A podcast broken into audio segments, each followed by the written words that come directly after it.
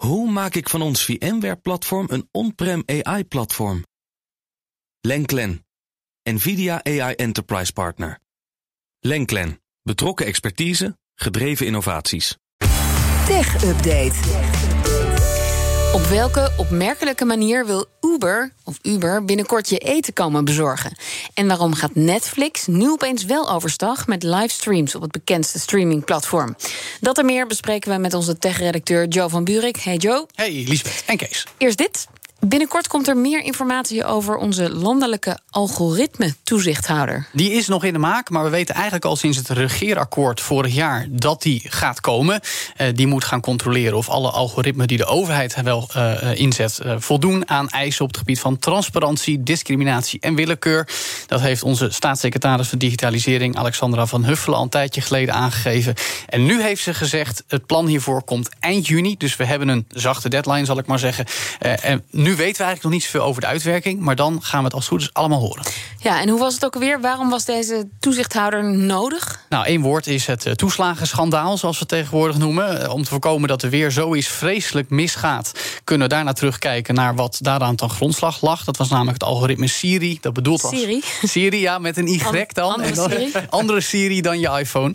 Uh, die was bedoeld om de fraude met toeslagen op te sporen. Want dat ging daar natuurlijk weer aan vooraf. En het ging helemaal mis. Het verhaal kennen we met alle vreselijke verhalen. Maar die toezichthouder op algoritmes die moet ook komen in Europees verband. De wetgeving Digital Services Act schrijft voor dat die ook in alle lidstaten moet worden aangesteld. We weten trouwens ook dat die onder de autoriteit persoonsgegevens zal vallen. Die heeft het al zo druk, zegt al stelselmatig. We hebben mensentekort, budgettekort. Dus ik ben heel erg benieuwd hoe dat precies ingedeeld gaat worden. En dan komt er ook nog eens een register waarin alle algoritmen die de overheid gebruikt worden bijgehouden. Dat zie je trouwens bij sommige gemeentes en instanties, waaronder de Sociale Verzekeringsbank. Maar dat is dan meer zodat die algoritmes uiteindelijk niet gaan discrimineren of bepaalde groepen zomaar uitsluiten, toch? Ja, daar komt het neer. Want het ding met algoritmes, zeker met zelflerende algoritmes, is dat ze gevoed worden door data. En het is natuurlijk wel goed om inzichten te krijgen hoe ze worden opgebouwd en hoe ze getraind worden. Om te voorkomen dat we weer dingen krijgen waar we Dat- vooraf geen rekening mee houden. Precies, dat is letterlijk levensgevaarlijk. Precies. En dan gaan we naar Uber. Dat wil eten gaan bezorgen met zelfrijdende autootjes en robots. Nou, over levensgevaarlijk gesproken, want de zelfrijdende auto's en Uber, daar is nog wel eens wat misgegaan. Maar toch, vandaag presenteert Uber notabene tijdens hun eigen event GoGet eh wat nieuwe ja, apparaatjes en voertuigen die eh, gebruikt worden om eten en drinken te bezorgen. Eén daarvan is de start-up Surf Robotics. Dat maakt een soort koelboxen op wielen, zoals RTL Nieuws beschrijft. Ik heb ze wel eens gezien. Oh, Ja, in vertel. Palo Alto in Ja? Californië. Daar reden van die robotjes op straat. Maar Ja. volgens mij bezorgden die dan pakketten. Dat kan maar ook. volgens mij geen maaltijden. Maar Nee, nee, dit is inderdaad het nieuwe. Het ziet er heel grappig uit. Klopt. Maar hoe soort- groot zijn ze dan? Ehm, Als een koelbox. ja, ik hou Ietsje nu groter, handen uit elkaar. Ja, een beetje als een grote picknickmand.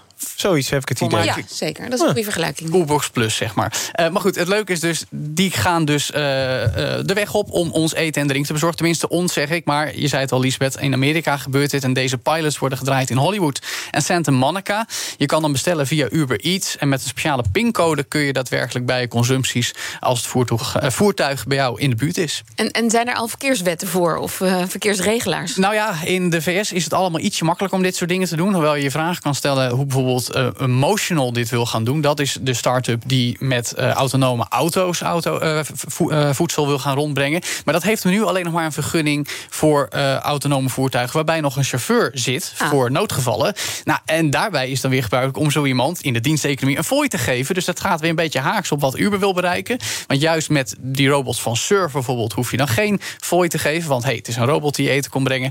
Die worden overigens nog wel op afstand in de gaten gehouden als we bijvoorbeeld een gevaarlijke plek moeten oversteken. En het is interessant, want Uber werkt opzettelijk met verschillende partijen met dit soort technologie. Eh, ook de tak aan wie ze in 2020 hun eigen autonoom rijdende voertuigen verkochten, Aurora, eh, die eh, zou daar nog een keertje een rol kunnen gaan spelen. Oké. En dan kijken we tot slot even naar Netflix. Nou, figuurlijk dan, want Mhm. dat heeft reden om eindelijk te gaan werken aan livestreamen. Dat deden ze niet. Nee, dat hebben ze steeds gezegd. We doen dat niet, past niet bij ons. eigen series en films uitserveren. Maar ja, we hebben het hier vaak besproken dat Netflix tegenwoordig in zwaar weer verkeert. Zeker met de afgelopen kwartaalcijfers dalend aantal abonnementen. En dus schrijft de Amerikaanse deadline dat Netflix nu toch echt gaat kijken naar livestreams. Dat zouden ze dan onder meer willen gaan gebruiken bij programma's die niet gescript zijn. Uh, ook stand-up comedy shows. Maar denk okay. bijvoorbeeld ook aan, dat is misschien leuk, danswedstrijden. Waarbij je in de app gelijk kunt stemmen op jouw favoriete kandidaat. Ja. ja. En, maar livestreamen, dat is natuurlijk typisch iets voor sport ook. Ja, dat zou je zeggen. Um, Netflix is ook vaak al in verband gebracht met de Formule 1. Zeker ook door de documentaire serie Drive to Survive. Maar volgens net, Deadline gaat dat toch echt nog niet gebeuren. Ondanks dat de concurrentie het wel doet. Met Viaplay natuurlijk, met een app. Formule 1 livestreamen. Juist HBO Max wil het ook gaan doen. Sport livestreamen. Maar goed, wie weet gaat Netflix hier later dit jaar al mee aan de slag. En komt er toch ook sport Sorry, er is uh, Netflix die zei... ja, alternatief voor tv. Het gaat niet meer om live, het gaat om, gewoon om content. En nu gaan ze zeggen, kijk eens wat we hebben. Livestream, wat nieuw. Dat is gewoon Weet je tv nog is dat, Wat? YouTube een paar jaar geleden deed. Gewoon video's uploaden en kijken wanneer je wilt. Toen kwamen ze met premières. En dat is precies hetzelfde principe van zeggen... op dat tijdstip kun je die content live Ja. kijken. En Innovatief ook- hoor, dit. Ja, nee, het is, ja, mensen zitten er toch op te wachten. Dankjewel, Joe van Buurik. De BNR Tech Update wordt mede mogelijk gemaakt door Lenklen. Lenklen. Betrokken expertise, gedreven resultaat. Hoe maak ik van ons VMware-platform een on-prem AI-platform? Lenklen. NVIDIA AI Enterprise Partner. Lenklen. Betrokken expertise, gedreven innovaties.